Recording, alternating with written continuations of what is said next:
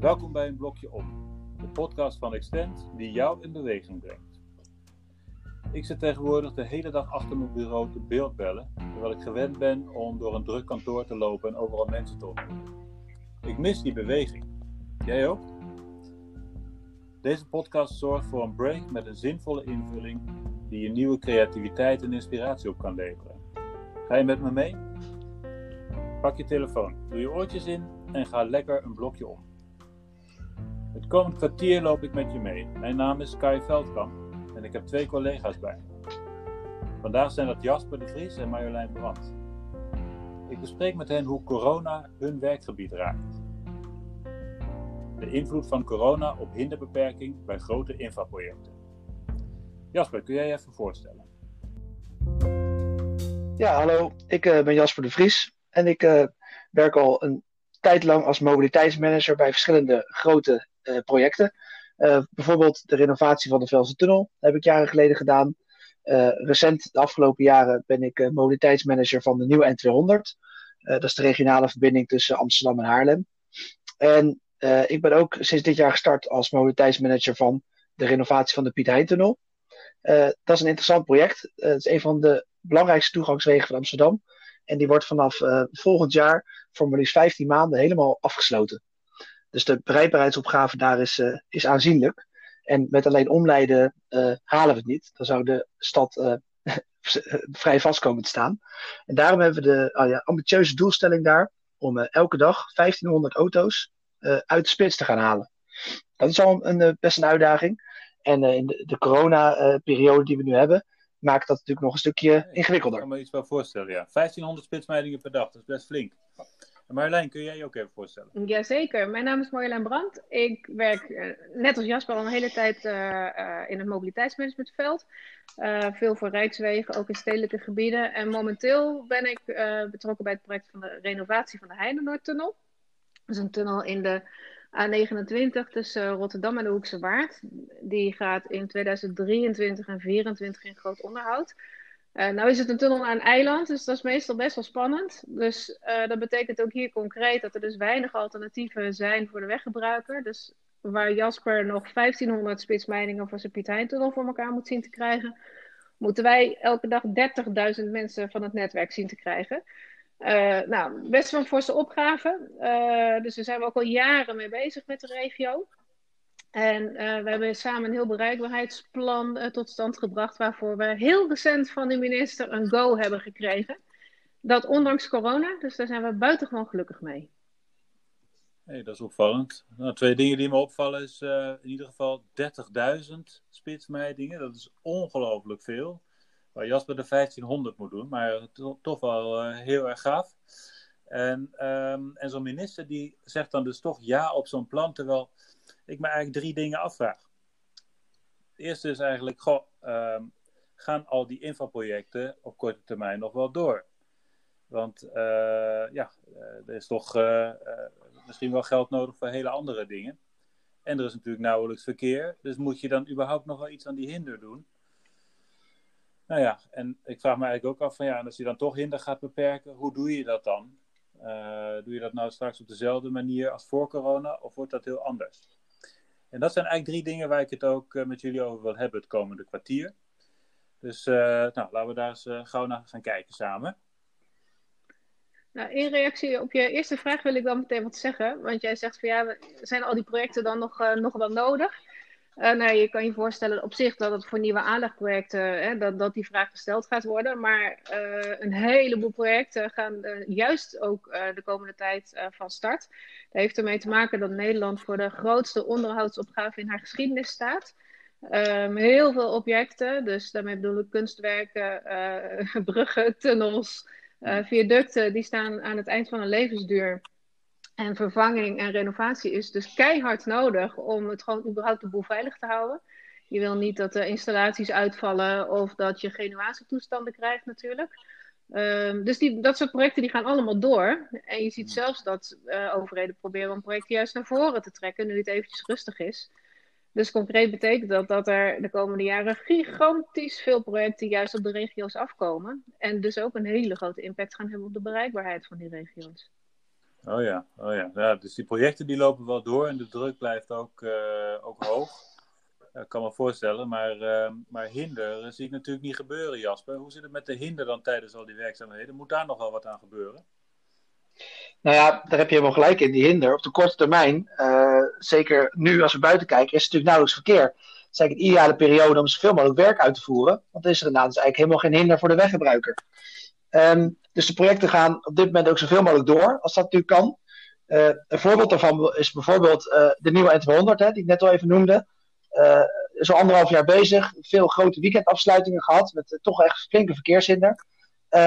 dat kunnen we nu gewoon doen, zonder de hinder.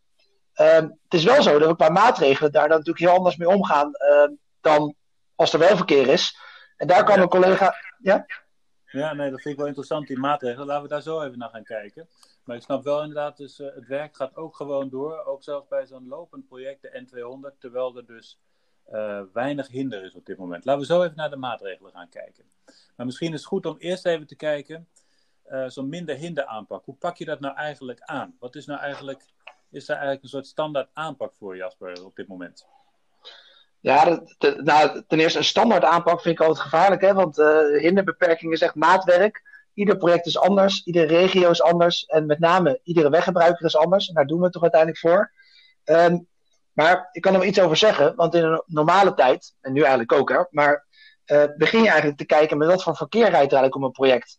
Uh, je wil bijvoorbeeld een weg afsluiten of een deel afsluiten. Ga eerst eens kijken van hoeveel verkeer rijdt er, wat voor type verkeer is het, hè, wat voor doelgroep hebben we mee te maken. En wie moet het dus beïnvloeden om als die weg afgesloten is, uh, de hinder te beperken. Dat is eigenlijk stap 1. En als je daar duidelijkheid over hebt, uh, zoals wij het vaak doen, gaan wij samen met de omgeving toewerken naar een gedragen maatregelenpakket. Dat is niet dat wij gaan bedenken, we gaan het zus en zo doen, maar je doet het samen met de omgeving. Denk aan uh, belangrijke stakeholders, uh, bedrijven, enzovoort, die je echt betrekt bij je maatregelenpakket. En vervolgens, als uh, een beetje final step, zal maar zeggen, kijk je naar dat maatregelenpakket, wat het ook oplevert. Ze kunnen nog zo goed zijn, die maatregelen, maar je wilt uiteindelijk natuurlijk ervoor zorgen dat de mensen ook echt wat anders gaan doen om je probleem op te lossen. Dus dat is hoe je het normaal doet. Nou ja, precies. En hoe, hoe is dat dan nu ineens heel anders? Nou, de stappen blijven het op zich hetzelfde. Hè? Op zich is dat logisch.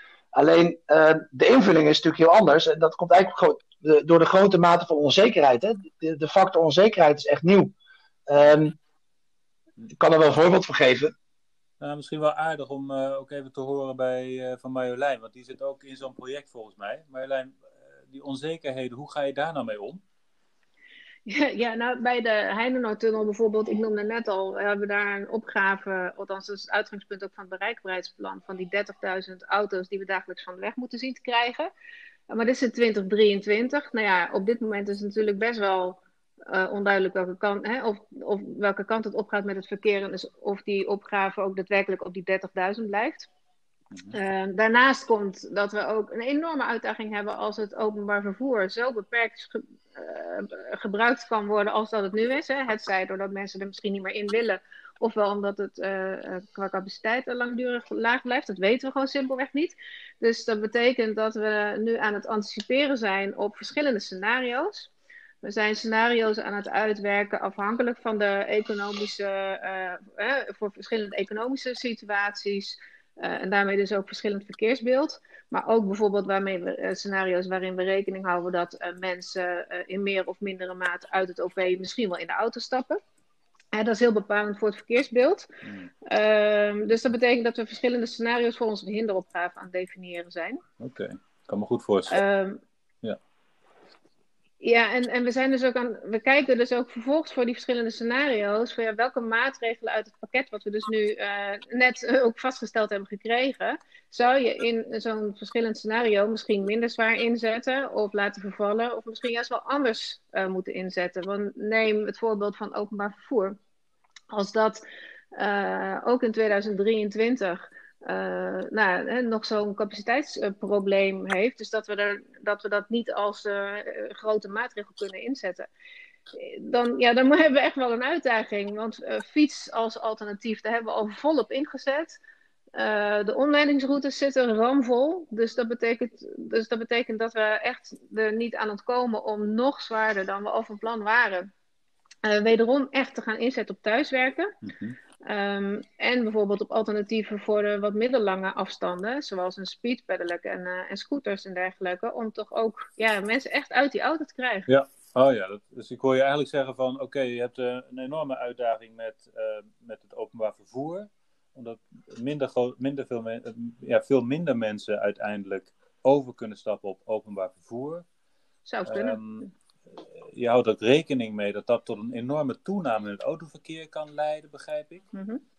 En je houdt er ook rekening mee dat uh, ja, wellicht al maatregelen die je al bedacht hebt, daarmee kunnen komen te vervallen. Dus dat is aan de ene kant. Ja, of, anders uitge, of anders uitgerold. Ja. En aan de andere ja. kant uh, ja, is eigenlijk wat je er tegenover kunt zetten, nog meer fietsstimulering en nog meer thuiswerken. Dat zijn eigenlijk je extra maatregelen, klopt dat? Uh, ja, nou ja, nog meer fietsstimulering. Dat zei ik net van. Kijk, daar hadden we al volop ingezet. Dus daar verwachten we echt niet nog meer mensen uh, op de fiets te krijgen. Want ja, die afstanden, zeker bij zo'n tunnel van Rotterdam naar de Hoekse Waard, dat is best een end. Um, ja. uh, dus dan heb je het juist ook nodig van alternatieven voor de wat langere afstanden. Zoals dus die speedpedelec of een scooter die ik net noemde. Ja, precies. Ja, helder. Fiets, speedpedelecs en scooters voor de lange termijn. Fiets voor de korte termijn. Of voor, voor de korte afstand. En, ja. uh, en thuiswerken, thuiswerken, thuiswerken. Hè? Dat is toch wel het toverwoord. Hey, en als je dan kijkt, uh, Jasper, naar uh, de uh, Piet Heintunnel, waar je nu middenin zit. Dat, dat ding dat gaat natuurlijk volgend jaar al dicht. Ehm, wat zie je daarvoor aanpak? Nou, je, je maakt wel een leuk brugje eigenlijk, vond ik, met wat jij zei over dat thuiswerken, thuiswerken, thuiswerken. Uh, Marjolein is met een project wat over een paar jaar pas in uitvoering gaat. Nou, die Piet Heintunnel, die gaat in april 2021 gewoon dicht. Dus ja, echt tijd om allerlei scenario's uit te werken en daar helemaal op in te zetten, hebben we natuurlijk niet meer echt. Want ja, je moet nu eigenlijk maatregelen gaan uitwerken. Ja. Nou, en waar we dus nu ook al mee bezig waren, maar ook echt volop inzetten, uh, is eigenlijk dan thuiswerken. Hè? Het spitsmijden, wat ik aan het begin al zei, kan natuurlijk het beste, uh, zoals we nu eigenlijk al aan het doen zijn. Er, er, is momenteel helemaal geen spits. Dus wat we nu eigenlijk buiten zien in Amsterdam, uh, dat het gewoon veel rustiger in de spits, willen we zo behouden. En dat proberen we ook te doen door veel met werkgevers in gesprek te gaan. Uh, we werken samen met het werkgeversplatform uh, in Amsterdam, Breikers. Uh, en daar willen we eigenlijk proberen om zowel de werknemers als de werknemers, als de werkgevers, die nu natuurlijk aan het, aan het wennen zijn met de situatie. Hè, die, opeens kunnen ze thuiswerken. Om de goede punten die ze daarmee leren eigenlijk te bekrachtigen. en zo ervoor te zorgen dat dat over een jaar op een positieve manier nog steeds gebeurt. Ja ja, ongelooflijk hè, wat een potentie in dat thuiswerken zit. En dat dat nu ook is wat ons hier echt verder kan gaan helpen. Want ik hoor je eigenlijk zeggen aan de ene kant onzekerheid. En die heb je ook, ook al is het veel dichterbij. Maar zelfs over, als je kijkt naar volgend jaar, dan hebben we, uh, kunnen we nog moeilijk zeggen van hoe die verkeersontwikkeling zou zijn. Dat is de ene kant. Aan de andere kant zeg je van ja, werkgevers voelen wel nu al de druk. En gaan nu ook aan de slag. En dus is het eigenlijk veel meer inzetten op het vasthouden van dat huidige goede gedrag wat je ziet. Ja, precies. Want ja, die onzekerheid, dat is absoluut waar. Niemand weet op dit moment hoe de wereld er over elf maanden uitziet. Hm. Uh, maar wat we wel weten, is dat bekrachtigen van dat goede gedrag, hè, zoals we dat zeggen, of dat gewenste gedrag. Uh, ik maak vaak de vergelijking met een soort life-changing moment. Uh, als je de Piet Heintunnel afsluit, was dat een heel groot moment in het leven geweest van mensen die elke dag van huis door de Piet Heintunnel naar hun werk reisden. we hebben het nu eigenlijk naar voren gehaald ongewild, hè, want dat life-changing moment is nu opeens al in het leven van al die gebruikers gekomen. En door daarvan te leren, uh, kunnen we dat hopelijk volgend jaar uh, gewoon voortzetten. Ja, ja. ja, ik kan me voorstellen dat je je daar dan nu heel erg op gaat richten bij uh, je hinderbeperking. Ja.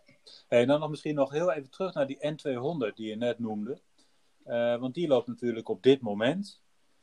ja, als je dan mobiliteitsmanager bent bij zo'n N200, ja, mijn gevoel zou zijn, dan ligt het werk even stil en dan kun je even iets anders gaan doen. Maar jij zei net dat er toch al, uh, ook nu al, of nu nog moet ik eigenlijk zeggen, uh, ook volop inspanningen geleverd worden op hinderbeperking. Kun je daar nog iets meer over vertellen wat jullie daar aan doen zijn? Ja, dat kan ik zeker. Uh, dat project loopt dus al, een tijdje. dus we hebben daar heel veel ervaring in de, in de doelgroep en hoe die te verleiden. Alleen momenteel is dat natuurlijk opeens ook heel anders geworden, omdat het gewoon veel rustiger is op de weg. Um, het werk gaat gewoon door buiten. En het makkelijkste zei mijn collega Amanda, die kan daar uh, wat meer over vertellen. Over hoe we dat dus anders aanpakken uh, dan uh, normaal. Nou, dan gaan we Amanda even, uh, eens even naar luisteren. Dat wegwerkzaamheden doorgaan uh, levert veel positiviteit op. Dat zie je bijvoorbeeld op social media, dat er veel respect uitgaat naar de bouwhelden. En veel projecten zijn er best terughoudend in om te communiceren over het feit dat de werkzaamheden doorgaan. Maar eigenlijk levert dat gewoon best wel veel draagvlak voor je project op. Nou, bij de nieuwe N200, een eh, project waar ik als adviseur bereikbaarheidscommunicatie werk, uh, en waar de uitvoering van de werkzaamheden bijna klaar is, steken we de communicatie nu wel wat anders in. Normaal proberen we bijvoorbeeld via verkeersapps zoals Flitsmeister verkeer zo gericht mogelijk te attenderen op uh, komende hinder. En dat hoeft nu eigenlijk niet, want het is zoveel rustiger en de kans op hinder is veel kleiner. Um, maar we zetten in de bereikbaarheidscommunicatie nu bijvoorbeeld wel in op specifiekere doelgroepen. Zo benaderen we nu heel gericht uh, zorginstellingen met informatie over afsluitingen, zodat zij hun medewerkers op de hoogte kunnen brengen. Want we willen de mensen in de zorg natuurlijk zo goed mogelijk informeren uh, om te voorkomen dat zij uh, voor verrassingen komen te staan op weg naar hun werk. Nou, dankjewel Amanda. Dat klinkt, wat ik daaruit opmaak is in ieder geval maatwerk leveren, daar waar het hard nodig is, in de zorg. En toch ook mensen blijven betrekken bij de voortgang van, van het project. Ik kan me goed voorstellen dat dat je ook nog wel redelijk van de straat kan houden, ook in deze coronatijd. Ja, dus als ik het samenvat, ik heb, we hebben het nu eigenlijk gehad over drie projecten. We hebben het gehad over de N200 die op dit moment loopt, over de Piet Heintunnel die uh, volgend jaar open gaat. En over de Heinenoordtunnel, waar nog iets meer tijd is, maar waar de onzekerheid dus ook groter is. En wat ik van jullie begrijp, hoe jullie kijken naar corona en de invloed op uh, uh, de hinder rond dit soort projecten, is dat we eigenlijk kunnen zeggen, nou ja, er is een heleboel onzekerheid. Dat weten we in ieder geval over hoe het verkeer zich gaat ontwikkelen. Maar de projecten gaan in ieder geval wel door. Want het gaat over levensduurverlenging vaak en niet zozeer over uh, uitbreiding. En um, uh, het oplossingspalet wat je hebt, dat wordt kleiner, omdat het openbaar vervoer wellicht als, als maatregel minder effectief wordt. Want er kunnen veel minder mensen mee. Klopt dat een beetje als samenvatting? Mm -hmm. Ja, uh, uitstekend uh, samengevuld, Kai. Nou ja, en dat raken jullie dus. En uh, ik heb, als ik het goed begrijp, heb ik een aantal dingen gehoord van jullie die jullie dus nu anders doen. En eigenlijk is dat vooral qua extra maatregelen die jullie kunnen nemen, is dat thuiswerken blijven stimuleren, vasthouden van het goede gedrag en ook doortrekken richting de toekomst. Plus fietsstimulering. Dat zijn de twee belangrijke pijlers in mijn beleving. En uh, als ik Jasper goed begreep, dan hangt dat heel erg op de invloed van de werkgevers. Want die voelen al de druk en die gaan ook nu al aan de slag. En tot derde punt wat ik eigenlijk zie is communicatie. En in die communicatie, zoals Amanda aangaf, ook gewoon maatwerk kunnen leveren. Dat zijn eigenlijk de drie dingen die ik eruit haal. Kennen jullie dat? Uh, zeg ik daarmee goed? Ja, absoluut. Um, ik zou zelfs nog een combinatie uh, willen maken, die laatste twee. Hè? Inderdaad, die werkgevers en die werknemers trouwens als belangrijke doelgroepen bij dit soort projecten. Uh, die echt aan het wennen zijn, aan het leren zijn van de nieuwe situatie. Uh, en daarnaast het communicatie. Hè? zie het als een soort campagnematige aanpak. die twee gecombineerd. En dat op een slimme manier, dat is een beetje mijn toekomstbeeld ook. Op een slimme manier naar de weggebruikers gaan brengen. laten zien wat we allemaal kunnen en hoe we Nederland bereikbaar kunnen houden. Ook bij dit soort hinderprojecten, die hartstikke noodzakelijk zijn. We doen het nu al, we hebben ermee geprobeerd. We hoeven het straks echt niet meer met z'n allen tegelijk te doen. Zoals we nu massaal aan het doen zijn. maar als een deel dit blijft doen, als we meer gaan spreiden, hebben we dan voor mij de allerbelangrijkste oplossingsrichtingen te pakken. Oké, okay. ja, spreiden. Dat is een belangrijke term. Dankjewel Jasper. Dankjewel Marjolein. Ik wil ook iedereen bedanken die heeft meegeholpen in de techniek. Brigitta en Sjors.